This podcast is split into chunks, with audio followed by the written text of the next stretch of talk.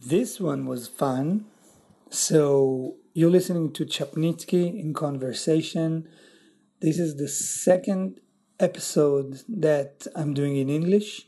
It's usually in Hebrew, but uh, this time we had a very special guest and a dear friend. His name is Keita Ogawa.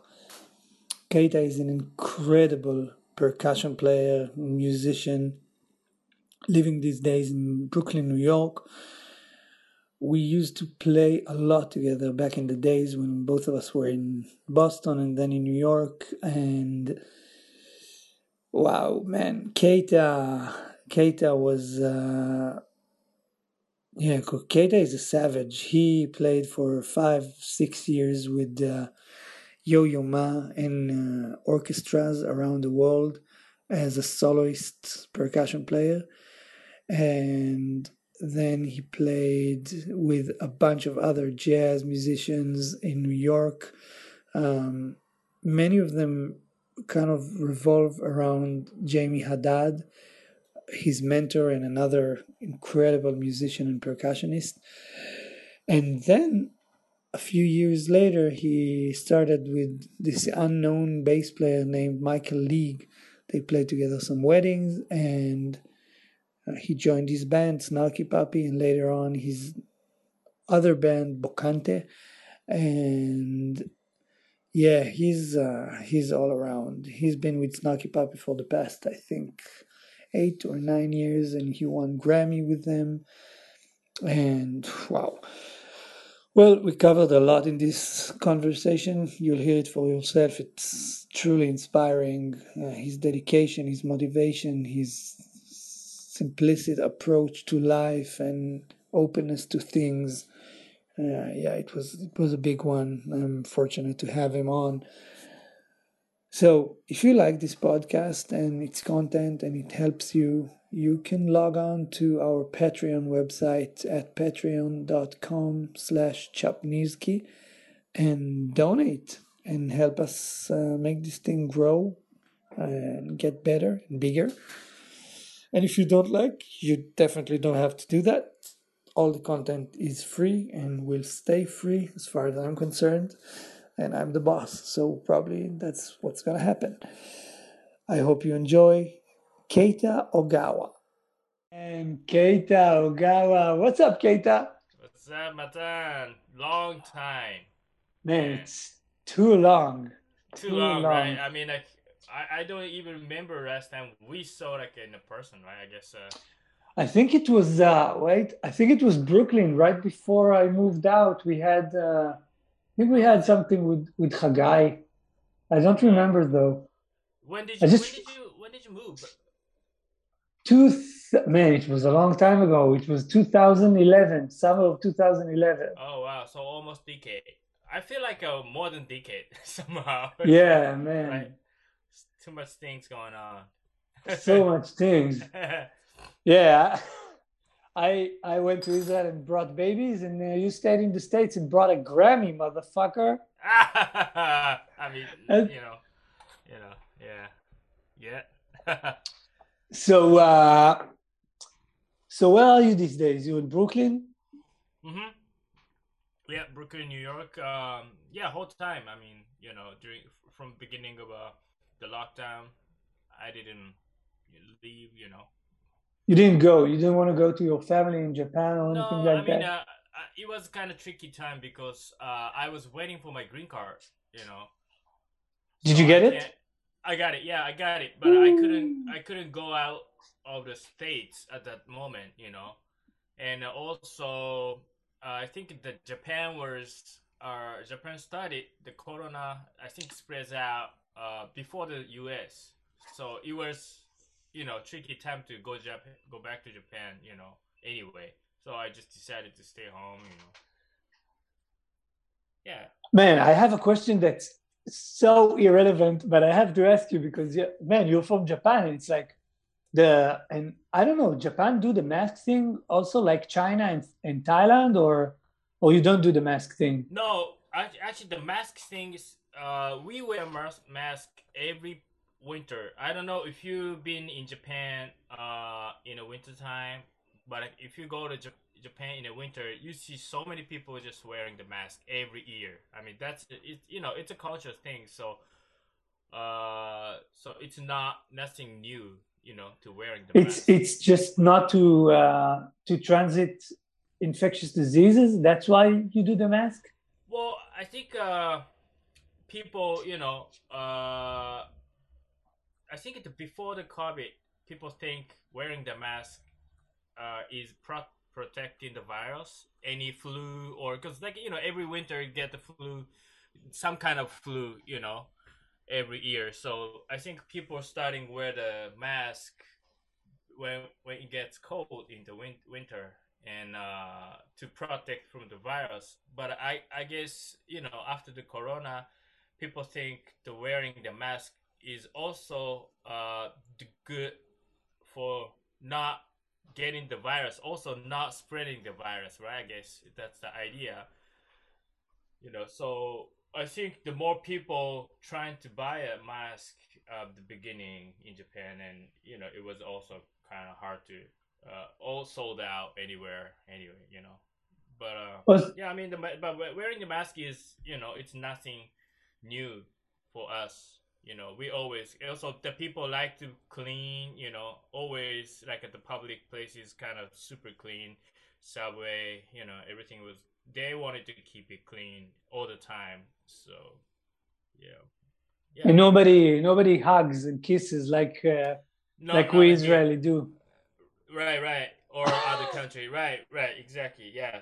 People uh, I mean, so many people. It's so dense, especially you in in Tokyo. Uh, but still, people trying to uh, keep distance. You know, and also that's a cultural thing. You know, we don't really hug or kiss. You know, to the people, other people. You know, unless you're a couple or something. You know. Man, I loved hugging you.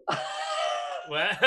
I loved hugging you, man. Every time we met, I hugged you. Oh yeah, yeah, yeah. You know, I mean, I like it. Oh, of course, it's kind of strange though. You know. Was it uh, weird when you came to the states and everybody's like just hugging? No, or... it was. It was actually that was okay. I mean, I like it. You know, and then I think it's kind of natural things in it, being a human. Uh, we need some contact, physical contact with the people and make you you know really kind of comfortable. I mean you know even i grew up in japan that doesn't have kind of cultural thing you know hugging and kissing. And uh but the weird thing is i'm i really like it you know the physical contact the hugging the, my friends and you know. And then when i go back to japan it's kind of weird. It, i feel like a little bit you know like a, hey what's up man? Like we, we don't hug much you know i mean kind of strange to even like I, I hug like a you know close friends but uh the weirdest thing is like hugging to the you know um female mm. i have like uh you know the female friends and then you know like they're kind of sometimes defend it you know like what are you doing? What are you, you know, doing? Yeah, yeah. you know, it's like, oh, sorry, you know. Man, and there's also another thing that I noticed when when I was in Boston and then New York and and all the hangs with the Japanese. It's like, yeah, man, Japan is a crazy has a crazy culture of, of work ethic, right? Mm, yeah, People, yeah, yeah. I, I've I've sensed it mostly from my Japanese friends and, and South Korean. Mm. It's like man, you guys, you guys go and work your ass off like yeah. nobody's business. I mean, I've never seen anything like that. Is it? Yeah. Were you brought up like that? Yeah, I think that's like also that's how we, uh, you know, grew up and you know, all, all my like, I think from uh, my grandparents or even more, you know, grand grand great grand parents. They they used to be like that, and also that's like a Japanese cultural thing, or maybe South Korean too. Like uh, working hard is a beautiful thing. That's what the, you know people, uh, you know the how that's how they grew up, and you know, so. So you when you started when you when you were a kid and you went to school, was like a lot of studies, a lot of homework, and it's it's what expected what is expected from you, right? I think so, yeah. And uh, also, there's some quotes in Japan. Uh, if you don't work, you can't eat. You, you know, you can't eat. Or, what do you mean? You know, if you don't work, that if you don't work, you know, there, no food. That mean you know it means like you know. Ah, there's no like social security stuff like that. No, like uh, no food, no work. Is it does it make sense? You know. Yeah, yeah. I mean, you know, so like you, if you wanted to live, or if you wanted to live, have a good life, or if you wanted to make some money, you have to work hard. You know, there's no kind of um, the way to think. You know, to make a money without hard working. You know. Yeah. You know, but also that's kind of yeah. Yeah, but also all the guys, as far as music, you know, not even I don't know. It's probably it has to do something with money, but you know, even when I again when I was in berklee and in and in New York, and it was, man, always prepared, always on it, mm. like always on time, always right. with the right gear, with the right gadget. I know it's a I'm making a generalization here, but right, but right, you know, it's mean, yeah. it's something that you feel from if you see everybody like that, you're like, what the fuck that's is going a Japanese, on? Yeah, that's a Japanese thing. I think you know, um, that's how we train. You know, since we we're a child, and, and also that's how we saw the older people or you know adults. They, everybody pretty much kind of like that, and then organize, and that's how we've been told. You know, when we were school. Uh, if you, for example, if you have some uh, meeting 10 a.m. You have to be there at least five minutes before. You have to be there. You know that's kind of thing. You know, and then uh, being late is bad thing. You know, and uh, yeah, that I mean th- those things. That's how been told us. You know, and uh, yeah, working hard, organized, and prepared, and uh, yeah, and not be lazy. You know, so I mean, it's good thing actually, good thing also, but that's too much. I, I you know, see, you know, I like I kind of realize, oh, that's too much, you know, because that's a, a lot of stress, stress and pressure, and uh, no space for the relax, you know. So, yeah. Yeah, I keep thinking, man, the more time goes by, I think that balance is like uh, is like a boat, like yeah. rowing a boat. You know, it's not mm-hmm. flat line. Is kind of like when you're in balance, perfect balance, flat line. It's like death. You know, you're like mm-hmm. dead, dude. But when you kind of row the boat, mm-hmm. right, left, right, left. That's how you get sort of a balance. You know, you need to chill. Yeah. You need to work out. But tell me, when you were, when did you start playing music? Uh, I started playing music. I was 14 uh, and play, play drums. Drums. Yeah. And immediately when you play, it's like, oh, all right, Keita, you want to play the drums? You go practice three hours a day, or is it just like, yeah, have uh, fun? Yeah, it was just it was just having fun. You know, I, I just wanted to.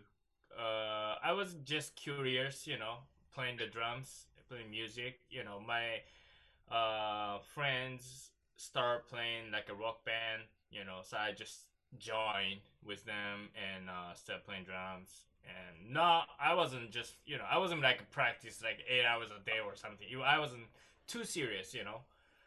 But uh, yeah, but uh, like first I uh first live um performance I did like um after, right after the high uh graduation like a mid school middle school graduated and we had like a live performance in front of our friends. And uh, that was like um, right after that i kind of decided okay i'm gonna do the music for the rest of my life. That's what i decided because it was too you know really fun and uh, yeah something i feel like uh, okay this is it you know? I i felt like i just i found it you know? And then you keep working hard and you decide to go you decide on going to the us or you still thinking maybe I stay in Japan? Uh, I yeah, I I think uh during the high school I start playing the uh one the live house and owner she she was kind of old but like she gave me so much advice, you know, all the time. And uh, so then the, she told me about the Berklee uh, at the time. And so if you were serious and you wanted the music, you might want to consider to go to, you know, the music school. And uh, there's a, you know, the school in Boston, America, you know, check it out. So I, you know, I kind of start research, you know, the Berklee. Yeah. And you came to Berklee. I don't think we ever met there. I think I only met you in New York with Hagai, right? Really? I think I remember. I, I remember you in Boston. Wait, no, we played. We played in uh, Canada, and then we we were both in Boston oh, still. Oh yeah, that's that's true. That's true though. But like I, I remember you were there because I've okay. You, yeah, I've seen you playing with Hagai and. Uh, uh Nadav and you know right right right Berklee time and that yeah I know I, I I remember you were you know I when I was there you were there yeah and then yeah and then you graduate Berklee and you do the natural thing you go to New York right. Yeah I stick but, around like uh, Boston for like six months and then moved to New York yeah. But what time did you switch from drum set to percussion? Uh from beginning of uh, Berklee um so I I actually the before the Berklee um, I went to the music college in Japan for two years, which uh, kind of like a connected to Berklee, you know. Um, so after high school, I went to the music college for two years. I you know I studied like a jazz drums, and uh, then I was thinking to go to I mean come to the uh, Berklee. I got the scholarship, but then um, I I didn't want it to go at that time. The, by the time I graduated, because just like so many people, just you know, naturally after the uh, this college went to the Berklee. You know, all my friends. That was like, wait a minute, you know, am I doing like uh, is the same shit that everybody does? And you know, it's kind of this is kind of like a, you know, damn. I I so I I kind of stopped thinking going to Berklee at the moment, and uh, I met and then I met I met my mentor. Um, she was a percussion player, um, professional percussion player. I we did like a double bill shows, and then I saw her playing, and it was shocked, you know. So I was like, oh shit, you know. Uh, and so I contacted her right be, uh, right after the show we play, and she was looking for uh, roadie you know the mm. kind of you know the people helping carrying driving setting up and this kind of stuff you know so i was like okay maybe maybe i can just i can do that roadie to have experience and you know hanging with her you know to see the scene you know i was i was living in kobe at that moment uh then i moved i moved to tokyo to do roadie of her you know, for two, I, I think it was over a year, one year. Oh, wow. So I went to the Tokyo. So, but she was so busy, and uh, and so I was just next day I move. I mean, it was a really quick wow. quick decision. So I met her. I mean, you know, I contacted her, and she was like, "Okay, so yeah, um, so when I go to like Kobe, Osaka area, I call you to you know to help my you know stuff and then so she she told me then i was like no no i wanted to go tokyo you know tokyo to work with you and then she was surprised she was surprised and uh, so then after that i just you know went to tokyo to find a place to live apartment and i decided and moved and next day i started working with her um, driving setting up and stuff and like you that. traveled all through japan with her uh not yeah, sometimes you know, uh, but I pretty much drive her car uh, around the Tokyo area. Sometimes she, you know, asked me to come on a tour together. Yeah, so yeah, I, I was with her all the time actually, and saw her, you know, the gigs and shows and every day pretty much. It was a good experience, you know.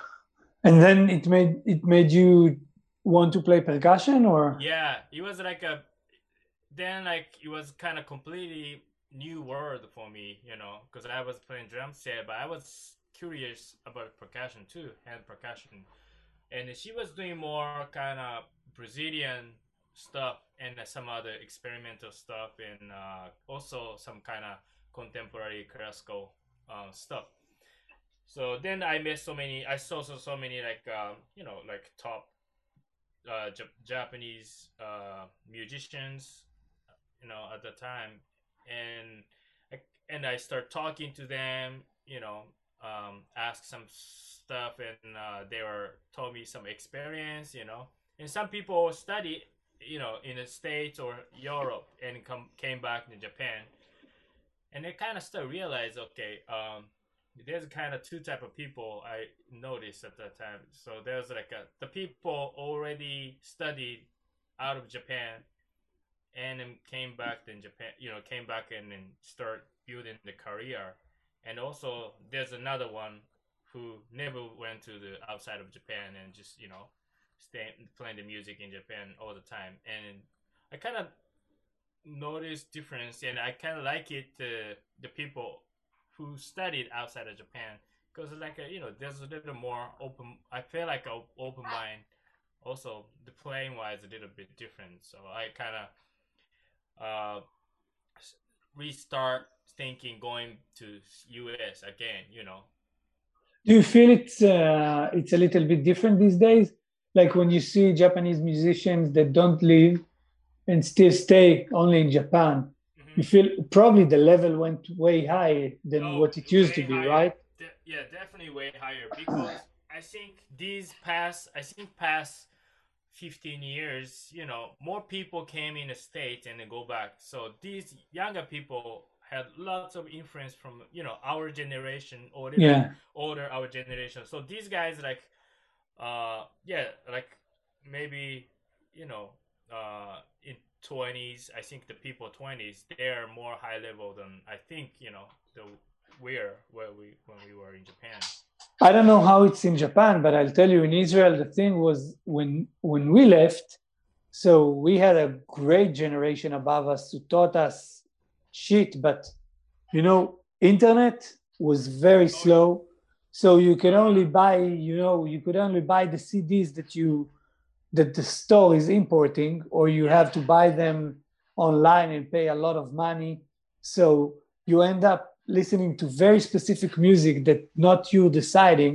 Mm. and now you know with with uh, with high speed internet and everything online people can check out so much music and plus so many musicians are like you said coming back and teaching them and i feel like when i left the main thing that i felt was uh, there was no finesse in the in the musicians the israeli musicians who stayed in israel were a little bit rough mm. not a lot of like especially in jazz the feeling of like swing especially the swing thing playing in changes that that these sort of things were like kind of you know okay sometimes it had a european vibe which is not bad sometimes but you didn't feel when you heard somebody who came from the states you felt like oh they checked out like African American right, right, music. They checked out some blues. They checked out, totally. you know, and and they played with people who, you know, killed them. People, yeah.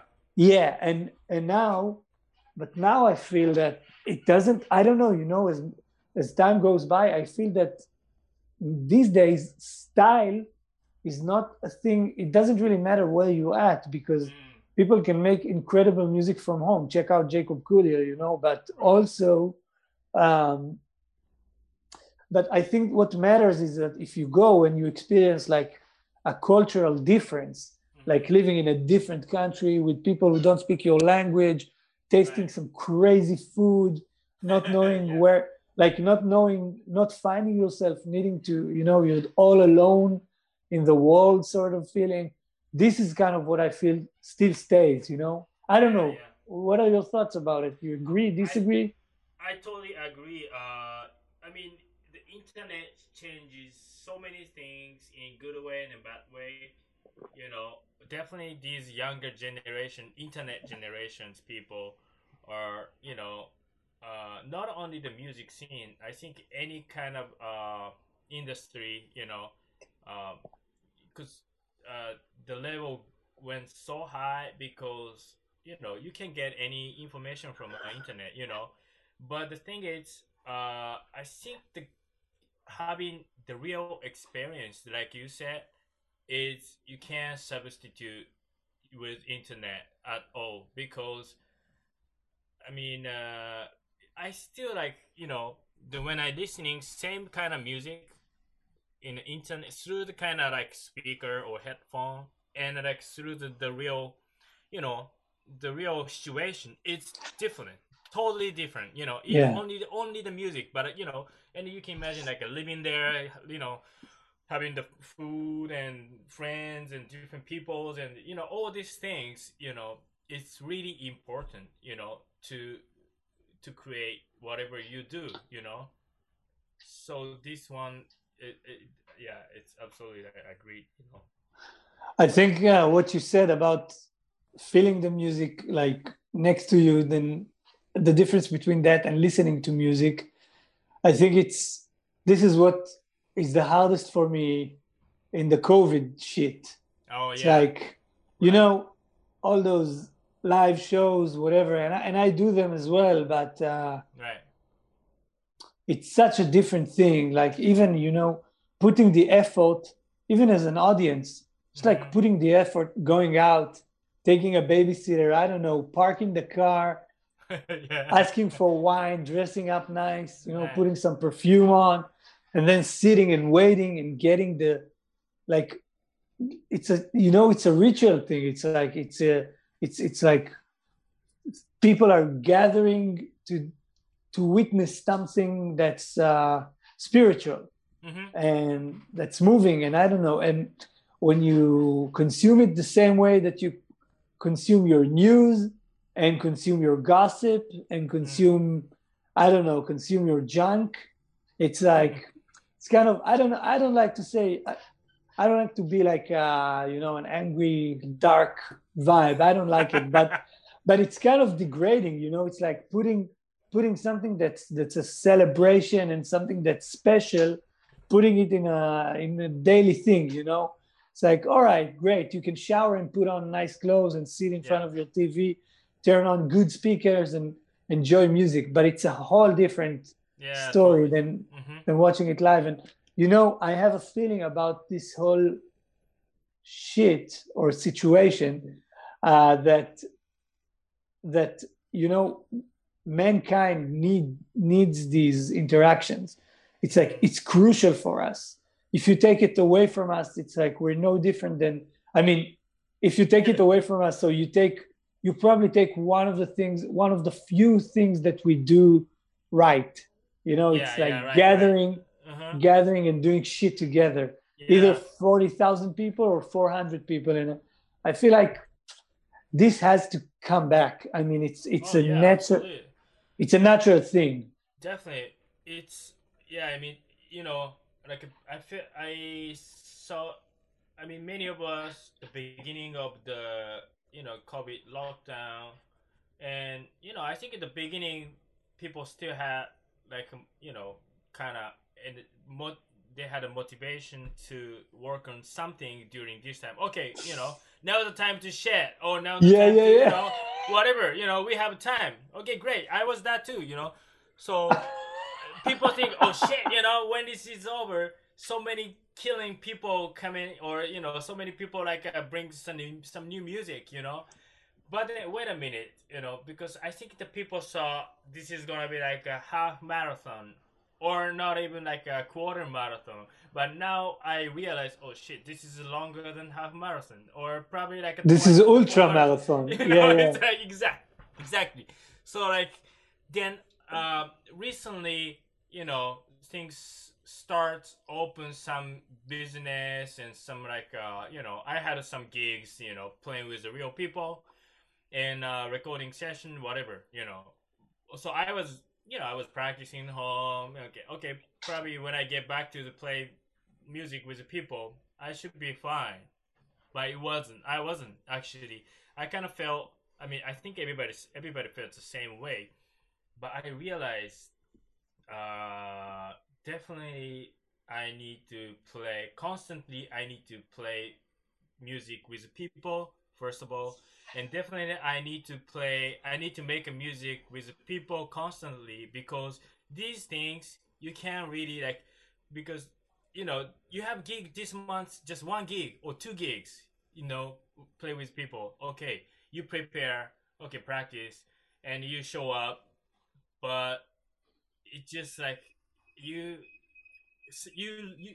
I re I I realize I lost something, kind of like uh, um, what's it? What's um, uh, like um, uh, you know, like a quick response or communication to the people. Yeah. Or not even chop. I mean, I'm not talking about the chops. It's just like some kind of like a, you know, like a deeper, more like a coming from you, like a, you know, the spiritual things. You know, it's strange. I, you know, it's like, and then I cannot develop if if these things going on just like a once one gig or twice two gigs in a month or something like that. I can't develop this shit. You know, I didn't even realize when I you know when I was on the tour all the time or playing it, you know, so many different things every day. I didn't realize. So it was like, you know what I'm saying? Yeah, man, it's also so funny because everybody is in the same boat.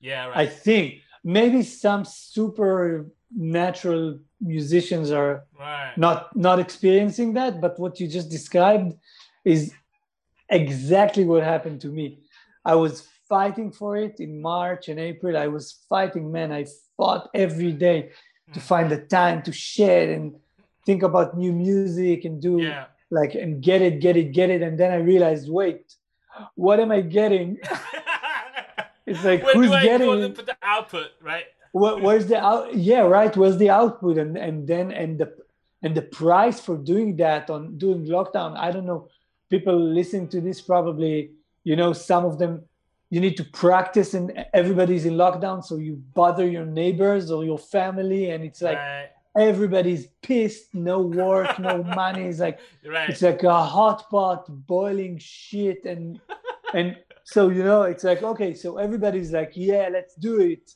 Right. march april but then you realize wait it, it's not going anywhere and i think the wave is so big that that it kind of it kind of humbles everybody you know it's like chillax everybody relax we're not going you're not going anywhere nothing's happening i don't know it it has nothing to do with if, if you think it's if you think it's a conspiracy or not it's just what it is it's like exactly. there's no Yeah, music right now it is what it is and, and you're screwed just like everybody else. And then you know i see people who are creating but also i don't see it's like when i feel i think to myself you you are a loser. You're not doing anything this time. It's like why don't you put out new music do more do more? And then i look around and i'm like wait but all of my friends are at the same place and not so many people are putting out some new music. It's like everybody's struggling mentally because that's again what i feel it's like you know back in the days i think musicians had we were like this you know we were the shamans or the the you know the mc of the ceremony you know we, we used to we used to do like the music for the trance dancing and Mm. people would get people would get high and Mhm. dance and we would provide that and then we would go home we would be happy providing our thing and they would be Yeah. happy going into trance and now it's like well i'll sit home and i'll make some music and i won't have any feeling of of the output and receiving back from the audience Right. and it's like this whole chain is it's kind of uh it's kind of, it got disconnected and yeah. and I, f- I feel like right now the best thing to do is just like you know this is what i'm doing i'm kind of i'm more preparing myself mentally and physically you know i'm like trying to relax trying to spend time with my family yeah. working out kind of getting my thoughts together doing this Mhm. podcast. I'm i'm i'm really i can't whenever i push on the music button and and i you know even in september we had like also like in new york we had a couple of weeks of activity and we booked tons of shit. I was like yeah let's do it let's do it let's do it.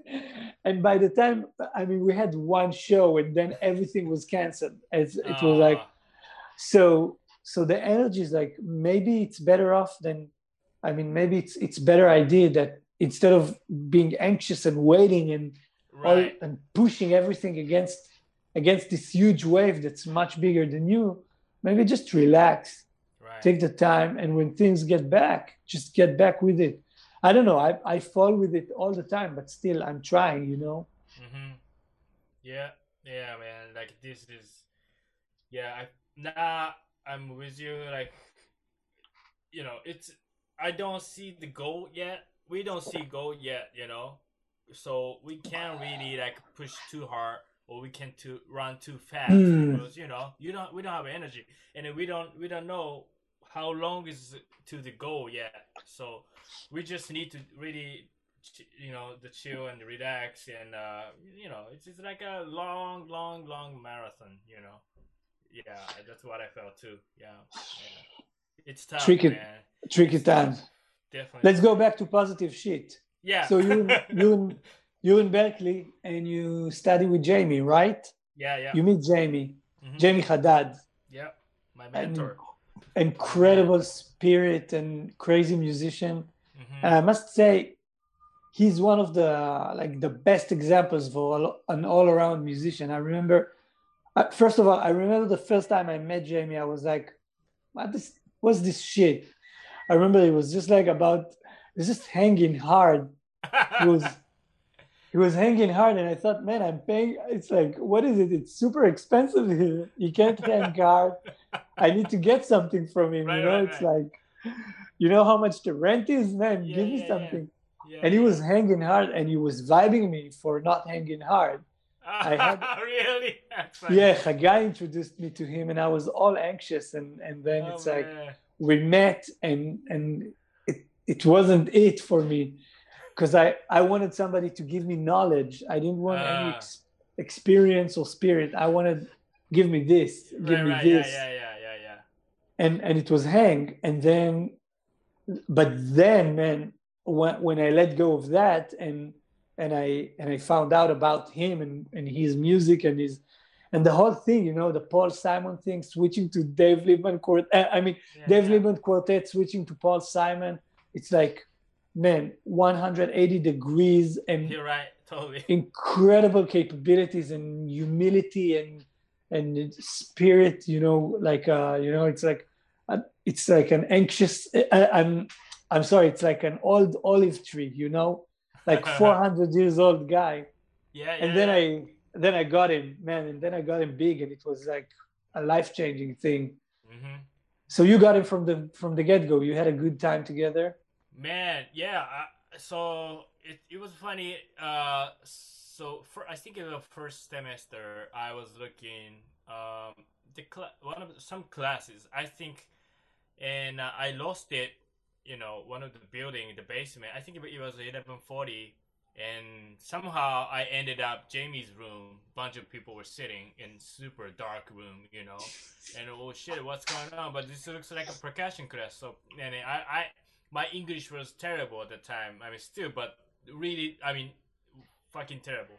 And so I was, you know, first first semester I sit in, and it was like maybe twenty other people were holding frame drums, you know. So now we were waiting, and then Jamey walked into the room, and he was, and he even like put darker the room, you know. and everybody starts singing the same shit which I had no idea what they were singing. And then it's, what is this, you know? and why everybody knows this, you know? I don't know. What is this, you know? And then after that, they were playing same stuff and then on a frame drum on and then and then Jamey looked at me because he, he noticed I'm I you know I'm in the wrong place, you know.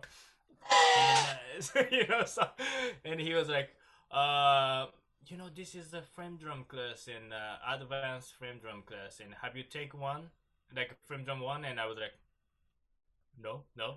and then so uh, to take this class, you have to take first one, yeah. And uh, so you know, and he, I think he, he told me take, you know, the beginning frame drum class and I come back and yeah, he, he told me something like that. But it was like a, I think even that short of an amount of time, I kind of shocked because he walked in the room and I think he played something, you know, before we singing. He played something, you know, and uh, he was using loop pedals, whatever, and he started playing some music, what the which he was playing he was on it. And then we and the people start singing and playing. So i was like oh shit what is this? You know this kind of sounds really amazing. I never heard the kind of vibe and percussions and frame drums and you know and this guy you know? So what is this guy you know? So then uh i kind of researched the his class and and then i think the first semester i didn't study with jb you know uh, I have nothing. I had nothing, and I did. I know nothing. So, so I kind of studied Afro-Cuban percussion with other guys. You know. Then I, I think after two semesters, I finally uh, signed, registered Jamey's one of percussion class. You know. Then I start start hanging with him, but uh, I think it was uh, the there's one we kind of like uh the moment we changed, we get more close.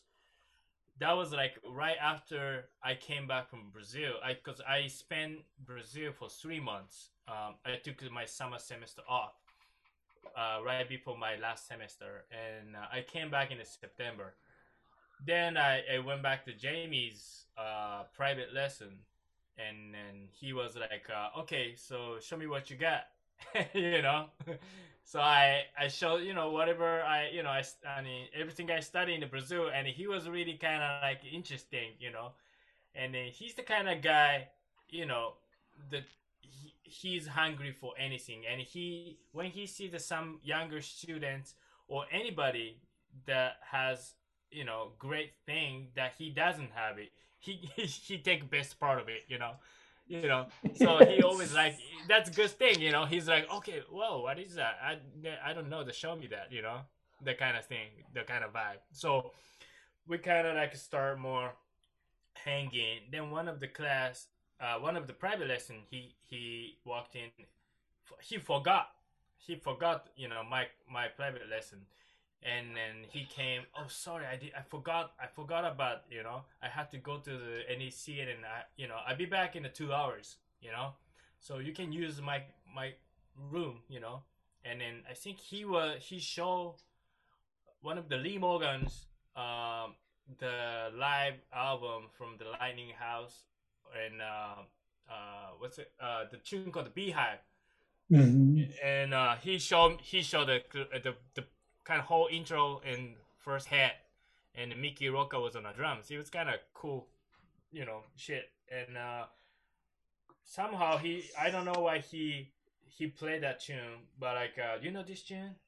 And uh, I didn't know that, but it was cool. And so I'll be back, you know, in two hours, and you know, and he didn't say, you know, just practice or this or, or whatever, you know. But I kind of wanted to impress him, you know. so I I transcribed everything in the two hours, whole thing. You know, oh, like intro and the whole head that like Mickey Roker was doing, and, and then it was like a fast swing thing, but it was like a whole shit, you know. So I'm, you know, I was shit, shit, shit, you know, until he came back to the room, and then he came back. Oh, you're still here, you know? Yeah, and and then and I actually practiced, you know, I kind of practiced the beehive and then play for him. I pray for him, and he was just he kind of shocked. I was like, "What the fuck?" You know. Wow, man. so then, uh, yeah. You, so that the last semester we kind of get really close, and um, after that he was like one of the, the other day he came back the private lesson. He was just like, "Hey, Keita, I got gig for you," and like. uh What? And he was yeah, exactly. So I got a gig for you, and uh, it was like a November or something like that, and then the gig was in December, you know. And uh, I got a gig for you with Yo Yo Ma and uh, Boston Symphony Orchestra, and I was like, uh, "Man, I remember we met yeah. in Boston. I remember that story. My yeah, God." So I was, yeah, so he was like, "Okay," and uh, kind of embarrassing, but like at the moment, I didn't know who the Yo-Yo Ma was. You know? really embarrassing, but uh, it's, you know, I I mean, I know Yo-Yo Ma, famous, you know, classical player, but I didn't know really who he was. You know. Maybe it's better. It's better that you didn't know exactly. So then like okay, and uh, he said like uh, so yeah, three days, you know, three three days and uh, uh, concerts with Boston Symphony and Yo-Yo Ma. This is like a cello concerto, and a friend of mine, uh, Osvaldo Golijov, he's one of like a top uh, contemporary classical uh, composer. So his piece. So we're going to play, and uh, I think that that gig was like originally two percussion players, and then Jamey and another percussion player, the Cyro Baptista, the who's a Ooh, yeah, yeah, yeah, of course. Brazilian top percussion player, you know, like a Jamey's generations, and uh, Cyro couldn't do it. So Jamey recommend me on that gig, and he just, you know, asked me to do it. So that was like first, you know, my big gig in the states, actually, you know. Then, uh, but I didn't know what was it, it, it what what was the you know deal is i mean it was huge but i didn't know you know okay boston symphony orchestra that's you know well cool nice you know so How far? How far in advance do you get the gig? one month How much? one month One month. Wow. yeah and uh yeah so but the one more like so that was like a four movements and half an hour piece and uh and a third movement that was like a cadenza which is like uh two percussion and accordion like a accordion and cello. So just four of us play no orchestra the third movement. And that section the one point he want me to play the pandero which is a brazilian tambourine. And, and the the tempo he wanted to that the tempo was actually really fast you know? And uh, i wasn't able to play that tempo actually at the time when he asked me he thought i could but i didn't i didn't say i couldn't i can't play you know oh yeah i got it i got it you know I got and it. I, and I shared the months like to get the to reach the tempo you know until the you know gig My so God. yeah, but you know, it was kind of yeah. That's uh, then uh, we yeah we did the, the shows with Yo-Yo and uh, Boston Symphony, and actually I got kind of you know spot after that. I think um, so we kind of started you know playing this piece different places around the states, and we did also in Hong Kong, uh, Switzerland. So you know over. Uh, You kind of got you kind of got the gig, right? Or you Yeah. subbed? Yeah, yeah, I kind of got gigs. So I mean, it was like we kind of rotating. You know, whoever not at least like we need the two percussion. So sometimes like a different combination, me, Cyro, or sometimes like uh you know. Sometimes Jamey and Cyro does, but like sometimes me, Cyro, sometimes Jamey and me. But most of the time, I think me and Jamey did it together many times. You know, together like uh, uh, uh like maybe five, six years. Yeah.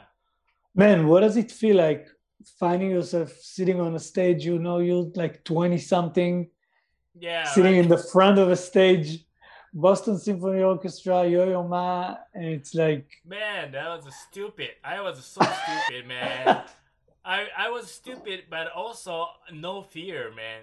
Eh, because No fear? Yeah, no. Yeah, I think it was. I was young enough to just like you know to do whatever I wanted, and you know without fear. Because also the no fear because I didn't know who the Yo-Yo Ma was at the time. I you know I mean if I knew it, you know he's uh, probably I might get nervous, but I never Yeah. got nervous, you know.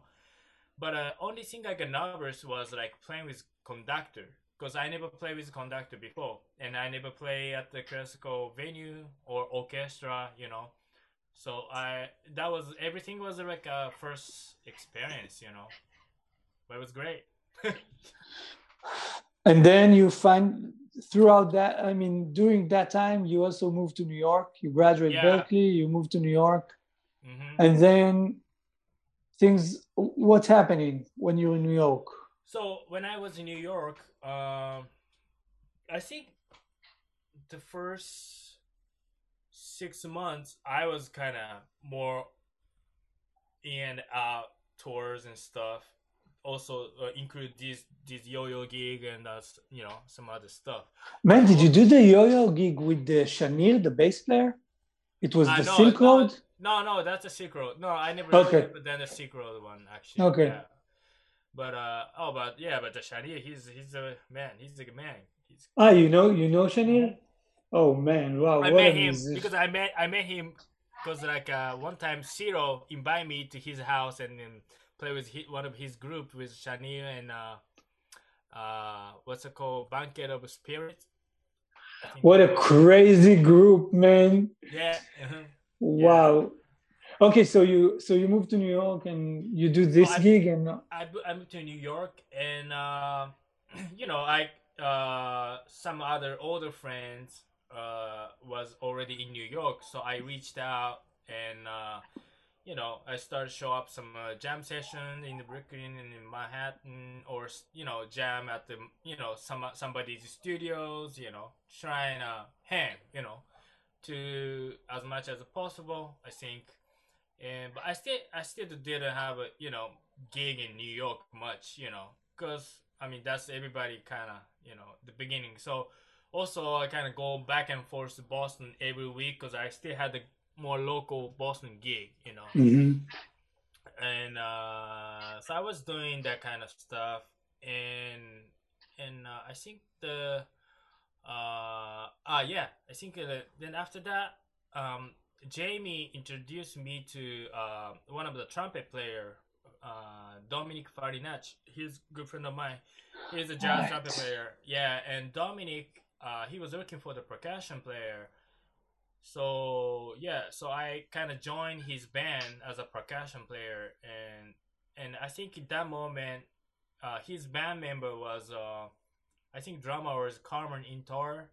He's the drummer of uh, uh, uh, Joey DeFrancesco and Pat Martino's and uh, i mean all the juilliard cats you know and uh, yasushi uh, the bass yasushi nakamura um, and also piano was Adam Birnbaum and uh, so yeah and i met those guys and i actually you know through the dominic because he has lots of people like a jazz scene like a more kind of you know uh more junior you know jazz Yeah. people but uh through dominic's gig and i uh you know meeting I started meeting more people these scenes people you know and uh which was great and you know also because i play drums and uh always play with a good drummer you know in new york and uh so i always kind of you know free lessons in you know when i play together you know that's a good you know that's a good good part being a percussion player and uh, if you play drums that i always play yeah you know that's a, i kind of steal whatever from the drummer i play you know Man, what is it like? Why why is it that all percussion players I know are nice? It's a thing, man. I don't know. It's Really? not all bassists I played with were nice, and trumpet players not at all, and trumpet players whatever. Uh, But you know, saxophonist, okay, pianist, you have some and some. Man, I know so many percussion players, and all of them are super nice. But it's not only like nice. I mean, I want to ask you because I feel like the, there's like there are two reasons, and I don't know which one is more. I mean, first of all, the fact that you are killing musicians is is uh, you know, it, you have to be a killing musician to get these gigs. There's no question about it. Jamey would never recommend you if he didn't feel that you had the spirit and the right skills, and that's for sure. But also, like I'm wondering, man, you have such a great vibe. Whenever I met with you and whenever we played, was like, you know, I it's like you kind of try to bond with with the people and the music and and kind of it's it's something to do with the instrument because you know when you Oh. play you can choose the maracas or the frame drum or whatever and you kind of there's no i mean sometimes there are parts that you need to play a specific Yeah. instrument but it's like you can pick whatever you want i remember when we played with Chagai, it was like whatever man take the cymbal play the cajon do whatever it's like just give the right vibe and i don't know something about it feels like because Hmm. I know you, I know Marcelo, I know Itamar Doari, I know, man, I know a few other people. They're Mm. all great guys, you know, and it's like Hmm. everybody who works with you, it's like, yeah, just come back again. So I don't know, is it it's something that you you you want you think about it? You say, I want to be like I want to be the best person in the room, I want to blend the most, or it's just natural. Uh, man, I, I mean, I, I, get asked like a similar questions uh, before, but um, I totally agree. So many like percussion players really, you know, the good personality and uh, really fun to hang, you know.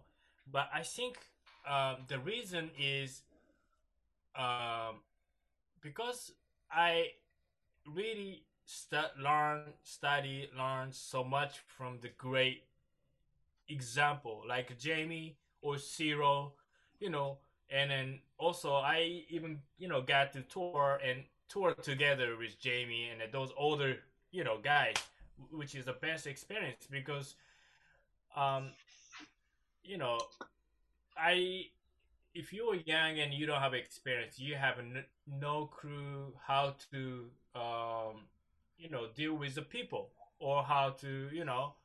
But uh, Jamey is such a like, I mean, he's the best. Like every time I go hang he just grabbed the people like spiritually like he's like you know you know him you know Yeah. so i i really learned so much like how to kind of communicate with people and make good vibe and you know all those thing and i think naturally i took best part of the you know whatever i see the Jameys or other guys you know does and trying to because I don't want to. I mean, if, you know, if you make music with somebody, or if you go on a tour or long tour, I mean, everybody gets tired. You know, I mean, it, same shit. But like, you don't want to. You don't want to make. You don't want to make bad move. And if that, if you make a bad move, you know, you you can't really make good music because it's you know I don't want. I just don't want to make uh, everybody uncomfortable, you know. And uh, I just also I just want to be, you know, I would you know be like uh, happy most of the time, you know. And uh, I just wanted to make a best situation when I make a music, you know. So that's why I guess uh, you know I'm trying all those uh, stuff makes I don't know personality whatever, you know. Get it? Yeah, man, that's that's right on. Yeah. So you in New York a few years, and then how how do you get into? Let's talk about Snarky Puppy now. Yeah. So yeah, so after that, I think it was like maybe one or two years later, uh, I met Mike League, uh, which is you know Snarky's uh, band leader, and um, I met Mike. Also, this is through Jamey. It's it's always Jamey's man. It's so, it's so interesting, man. He's like he's oh, he always there somehow, and uh, so and then also uh, I was I was on a tour with Dominic, trumpet player, and then it was his hometown. Dominic is from Cleveland, Ohio, and also Jamey is Cleveland, Ohio. And I was in Cleveland at the moment, and uh, Jamey calls me hey man, you in town, right? And yeah, and I'm in a studio and uh, making the album for the the guy the, from you know the local guy, singer songwriter, and uh, I met this bass player from uh, Texas, um, and he's he's a cool guy, and he's you know uh, he has a band, he's moving to New York soon, so why don't you come, you know. Uh, why don't you come and play, you know, Pandera, bring your Pandera and then play for me one tune, you know. So he just invited me to the studio. And it's like Uh, from now to now, it's just come now. Exactly. You know. then it's funny, man. Then so I I went to the studio and uh, so then I met Mike and uh, uh, Jesse Barnes. That's he's a singer songwriter, great and singer songwriter from Cleveland. So then uh, I played one tune in Pandero, and I started talking with Michael, and he told me he introduced his band. He has a band, Snarky Puppy. He just finished the record. He recorded "Tell Your Friends" album and the live studio albums, you know. And uh, and he said like uh, you know some of the member already in New York. I'm thinking moving to New York, and you know, okay. Then so we're like, oh yeah, I'm in New York. You know, when you come to New York, you know, we should play together, and then just hit me up, you know. So then after that, he moved to New York. I think it was 2009 or 10, and then we kind of start playing, you know, like a wedding gigs and whatever, you know, small gigs. We kind of start hanging, and uh, also uh, he was uh, yeah from beginning he was kind of producing all the singer songwriters, you know. So he asked me to play percussion, whatever that he had the project, you know. So we kind of start working kind of close and all the time. And then slowly he asked me to play his uh, band, Snarky's gig, uh, you know, the gig in the East Coast area, New York, and because uh, the original percussion player Nate, uh, Nate was uh, still in Texas, I think he was in New York. So yeah, I started playing Snarky, I think around 2010, you know, and uh, you know, I rec- I joined the album uh, ground up. Uh, I think it was 2011 or 12 they released, I guess. Yeah, then you know, then since then like I play with Snarky, but it's kind of cool thing is uh, we have a new band which uh, which called Bokanté, and um, uh, includes Jamey, you know, and me play together in a band, and then my Mike League is uh, also he he started this band, you know, so so Bokanté, and then the first time he was he told me about this project, it was like maybe I don't know four or five years ago, and then hey man, I'm thinking to start a new band, you know, and me and you and Jamey, and I was like, oh shit, that's good. so now we have a band together. It's so strange, but it's you know really fun and you know. You have a singer there as well, Yeah. right? There's yeah, a singer the there. Malika Tirolien, yeah. She she lives in Montreal. Uh, she's from Guadeloupe Island. And Yeah, man, I heard that band killing shit. Yeah, wow. it- it's really it's really great great band. I love it. I love this band. Man, a few questions about working with uh, working with Snarky Puppy. Yeah. So it's one of those things that uh, I mean, I remember I remember hearing about them right when I came to Israel, Mm, and um, I heard of them actually not from Israeli people, but from my friends back in New York. mm, That's like, check it out, check it out. Things are happening, and then then I read some interviews and I, you know, I did my research. I had a little bit more time, free time, and and I re- and what resonates with me the most about this band are a few things. First, it's a very collegial band, so it's like if you're in it, I mean, the people who are in it, some of them are from the beginning, and it's like it's based on first of all, of course, always the music, but also friendship which is something super cool. It's not like a mercenary thing that, right. Well, Keita is not good enough anymore. Let's throw him out and take take a different percussion player.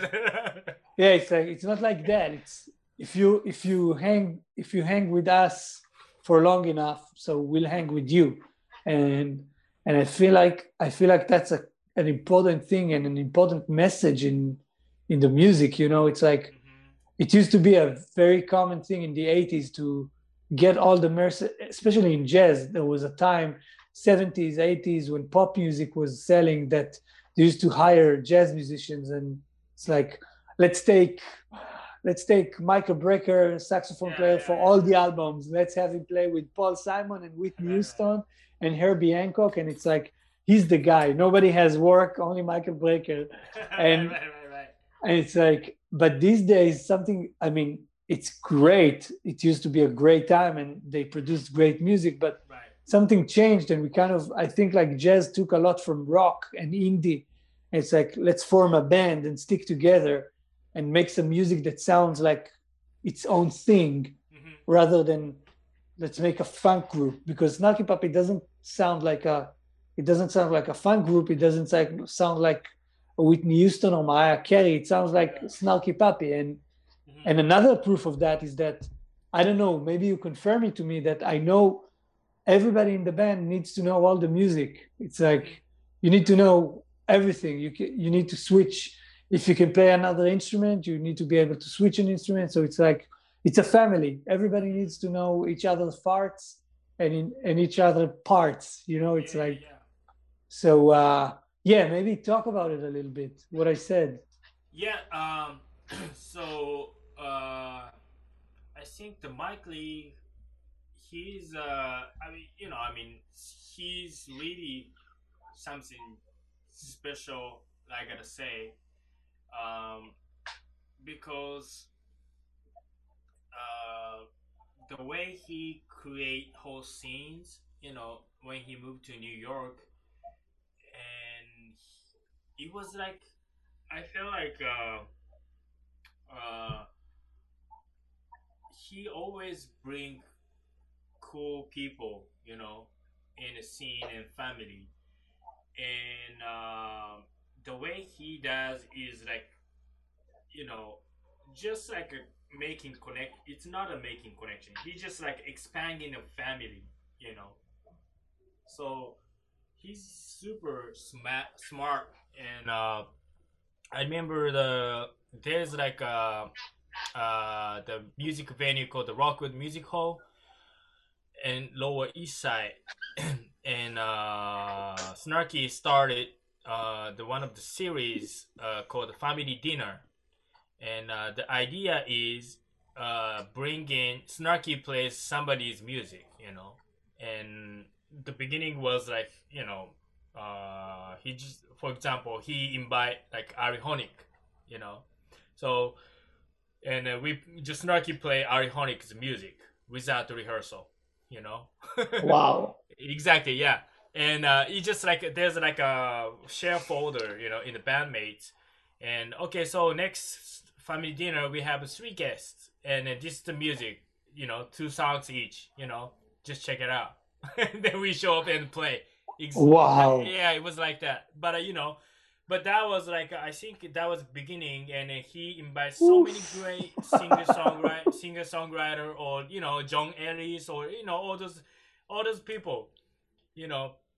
So we kind of start, you know, making big family, and that becomes like whole scenes, you know, and um, it was really smart the the way he does because everybody can work together, you know.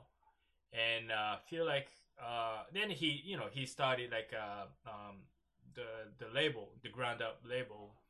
And uh, it's, it's so many whoever works together i feel like we feel like kind of family you know. It's not it's not just friends or it's like feel like we because we kind of connected really deep i think you know so many musicians and uh and uh, I have no idea how he can, you know, um, I mean, he he can do all those different things same times and so many different things, you know, and he used to do uh before I think before the Grammy first Grammy he used to do you know tour managers and driving and booking and booking the hotels and taking care of the bandmates and everything and and then producing the albums other singer songwriters and you know Oh wow.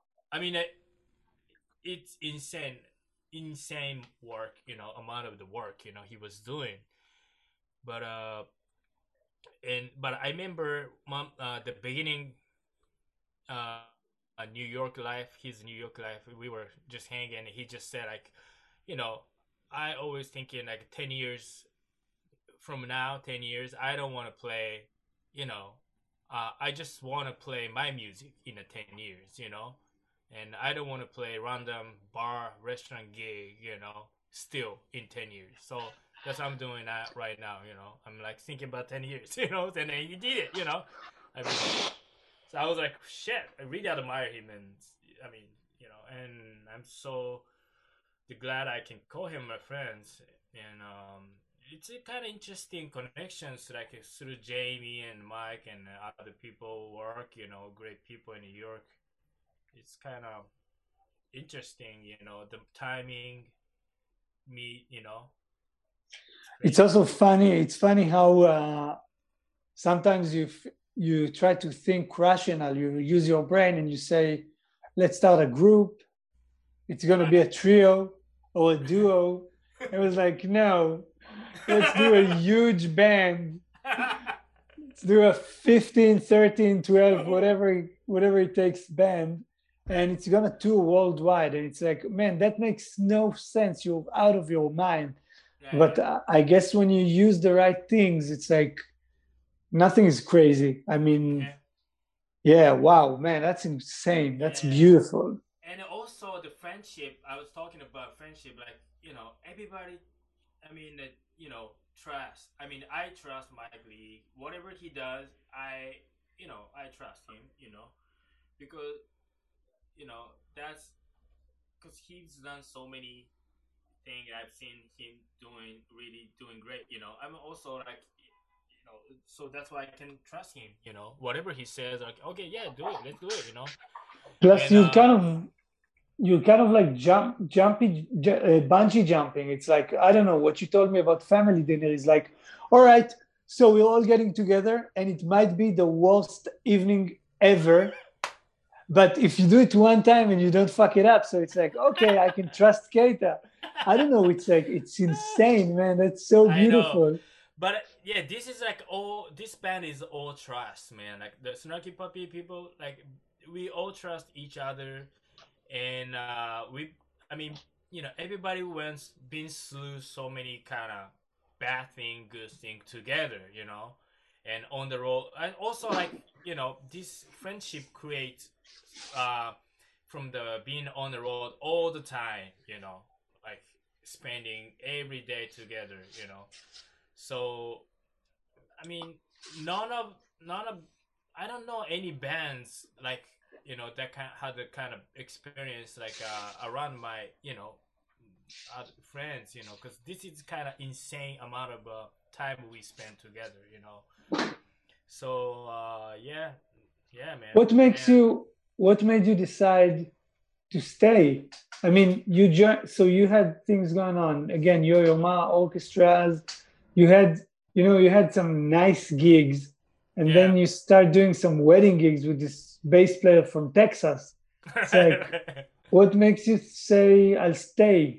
I mean, you could ha- you could have been a snob and say fuck that shit. I don't need it, or Ah, I'll do some jazz gigs. I don't know. I don't know.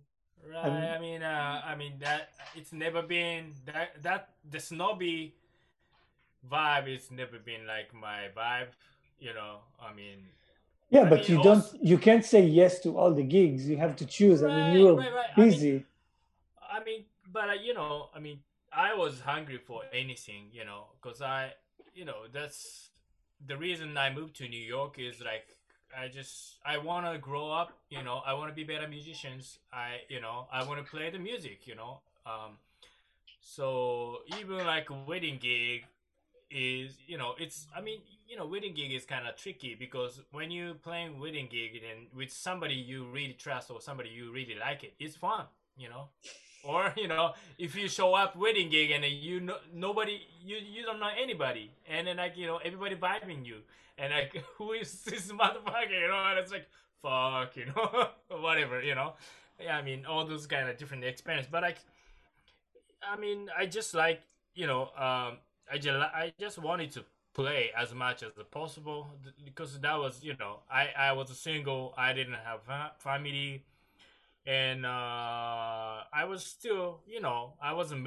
I mean, I had a nice gig, but you know, I mean, it was not enough for sure. It was just like a beginning of my career, you know. I just had a lucky. I was lucky, you know, at the moment. So, and uh, I knew, I knew, I don't know anything about, you know, at the at the time. So I was really curi- hungry to take anything, any good things around, you know, be around myself and then New York and you know anybody.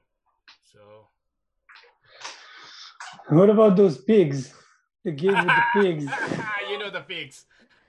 Man, who doesn't know the pigs? Oh man, that's shit. How did you come up with that? I mean, I know you, so I can, I can, Well, I can think how you came up with it. But how did it get approved? okay so yeah this is like a uh actually this pig thing uh originally the guy uh Hermeto Pascoal he's a fucking you know the Brazilian insane genius composer, multi instrumentalist. So Hermeto used to actually use uh, the real animal back in the day. I don't know if you know. So he one of I, forgot the album's name, but he he has some albums that he br- brought the real animals to make a sound in the albums in the studio, and he he used to travel with a real animal too. And I it's funny funny article I read in Japanese in Japan. Uh, man, like I I I brought my pig, and these Japanese people ate my pig after the show. so I was like, what? no, this is not true. I was like, you just fucking, you know, just fucking, fucking up. But like, but like he used to use these animals, and uh, you know, after that, I guess like it's difficult to, you know, become difficult to use the real animals in the shows and shit stuff. So I guess he start using those like, uh, you know, the rubber pigs and the other chickens and the other animals. so then like it become kind of thing in Brazil, uh, especially percussion players. I've seen like many percussion players using, you know, the Brazilian percussion player use that stuff. And uh, I play one of uh, one festival with uh, you know Magda. Yeah. Yeah, you know. So I I was uh, I was in Canary Island in Spain. There's a festival with Magda's band, and Hermeto was playing night before we play. So we actually went to see his show, and uh, his uh, his son was a percussion player. His his son's a percussion player, so his uh, his son was playing pigs during the show. You know. so all the band member Andres, you know, Andres and Nacho and Magda was there, and everybody got really, you know, um, had fun watching the, you know, the those rubber pigs, you know. And when we back to the states and we were driving somewhere in the states, and we stopped gas station, and Andres came back with a pig because he found a rubber pig at the gas station. So he bought it and he gave it to me. You know, here, here. As a joke. as a joke, exactly as a joke. And he gave it to me, so I was like, okay. So you know, from that that day, I started using you know the pig during the show as um, with Magda's band, you know. And it was, I mean, of course, you know, people people like stupid things, so the, you know, it was kind of hit. Everybody like it, you know. So I start, so I kind of started correcting other pigs, different pitches, you know. So then, like, uh, I, you know, I started playing like three, four pigs together and kind of, you know, develop my own pig technique, you know. so I kind of getting better playing the pigs. Then, and uh, then like uh, I had another gig. I started playing uh, uh, this incredible bass guitar player Charlie Hunter, and uh, he. So I started start tour with Charlie and trio, me and Charlie and Lucy Woodward, singer, and uh, Char- Charlie loved the pig, so th- he kind of like gave me some moment to play the pigs on a stage every shows, you know. Wow. And you know, and those those audience, you know, never seen this kind of you know stuff, so everybody was going crazy, you know Wow. And uh, I think one of the I think one of the rehearsal sound check video um, during the tour, me, I think I was playing drum set, and Charlie was kind of messing around the pigs, and he put on an, uh, his Facebook video, uh, his Facebook page. It got like six million views, or it, it went crazy, and then those video spread out so fast and so many people watched it and uh, that becomes like fucking insanely like you know like famous whatever you know the pigs thing you know? So every time like whatever instagram facebook people see other chicken or pigs they tag me. So annoying okay okay you know Wait, you still do it? You still do it, or you kind I mean, of stop I, I, for a while? I can, I, I mean, I, you know, I sometimes, sometimes I did it like during a during a, uh, COVID. I mean, Doctor Charlie sent me one of the video, so I, you know, I overdub video, you know, like a collaboration thing. I put the pigs, you know, and also actually, uh, I just released my sample pack from the Splice, the website, and uh, I actually also. What is uh, that? What is that? So the sample pack which, uh, is like uh, basically I I have so many instruments, uh, you know, Jesus Christ. and this is one of them. But like I have so much instruments, so a friend of mine he uh, asked me to do sample pack, which is I just like a sample all my sounds, you know, the one shots and different sounds, each instrument, and also I make a loops. So all the producers who or Ah, so that's it. It's like a plugin, sort of. You can just. it's a it's a, yeah it's kind of like you know uh loop and also one shot you can use it you know like uh Wow. the like a rights free you know uh Wow. yeah so it's uh, so i made like a sample pack and just released the last month and then uh volume two is coming up i think this week or next week so include pigs so i sam- i sample my pigs too so there's like a pig loops and pig one hit so everybody can play the pigs you know with the pads or whatever you know And it's so funny. So much that I, I love it. I love this conversation because you can you can take from it. There's a lot of humor. There's also a lot of luck, and and but there's also like tons of hard work. Man, it's it's Yeah. incredible. And you know, I used to. I don't remember, but I I, I heard many people say all you need is like one good connection, like one really Mm. somebody who really trusts you and can and can help you. I'm I'm not uh, talking about success. It can be, you know, it can be the woman of your life, meeting her and she saves your life, or it can Right. be I don't know. It can be whatever, whatever. But sounds like you know, with your story, it's like there's very few people that you met along the way that kind of helped shaped everything. I mean, I'm sure you would have a beautiful life even without knowing them, but still, it's like it's incredible how you keep saying how you keep bringing Jamey up and and yeah, yeah and it's so beautiful. Yeah, Jamey is the key of my life because I have no idea what I'm doing right right now if I don't didn't meet Jamey, you know, because I think yeah, definitely like it changed my life. I met him and you know I got to hang, study with him, you know. Yeah, man, what do you have to say for someone who wants to someone who wants to be like you or wants to be a musician or wants to do you know wants to make the journey from far away to wherever or want to do want to make it want to do what Yeah. you're doing I mean, I, I will say, uh, trust yourself. You know, what whatever you want to do, just you know, just do it. You know, don't think too much. If especially if you're young, you know, and uh, and also, you know, uh, do best as you could every time you do. You know, and it leads to some way, you know, better place for sure or better person to connect that's for sure. So just just keep doing you know hard that's for sure. Yeah. And make Okay. good friends too you know? Yeah. Man you uh, you're an inspiration. I'm so happy we got to do this. Oh man. Thank you matan man i hope we'll uh, i hope we'll meet in person soon. Oh man i miss you bro. Keita thanks man. Take it easy. man. we'll be in Thank touch. bye much, brother. man. Thank you, bye bye bye bye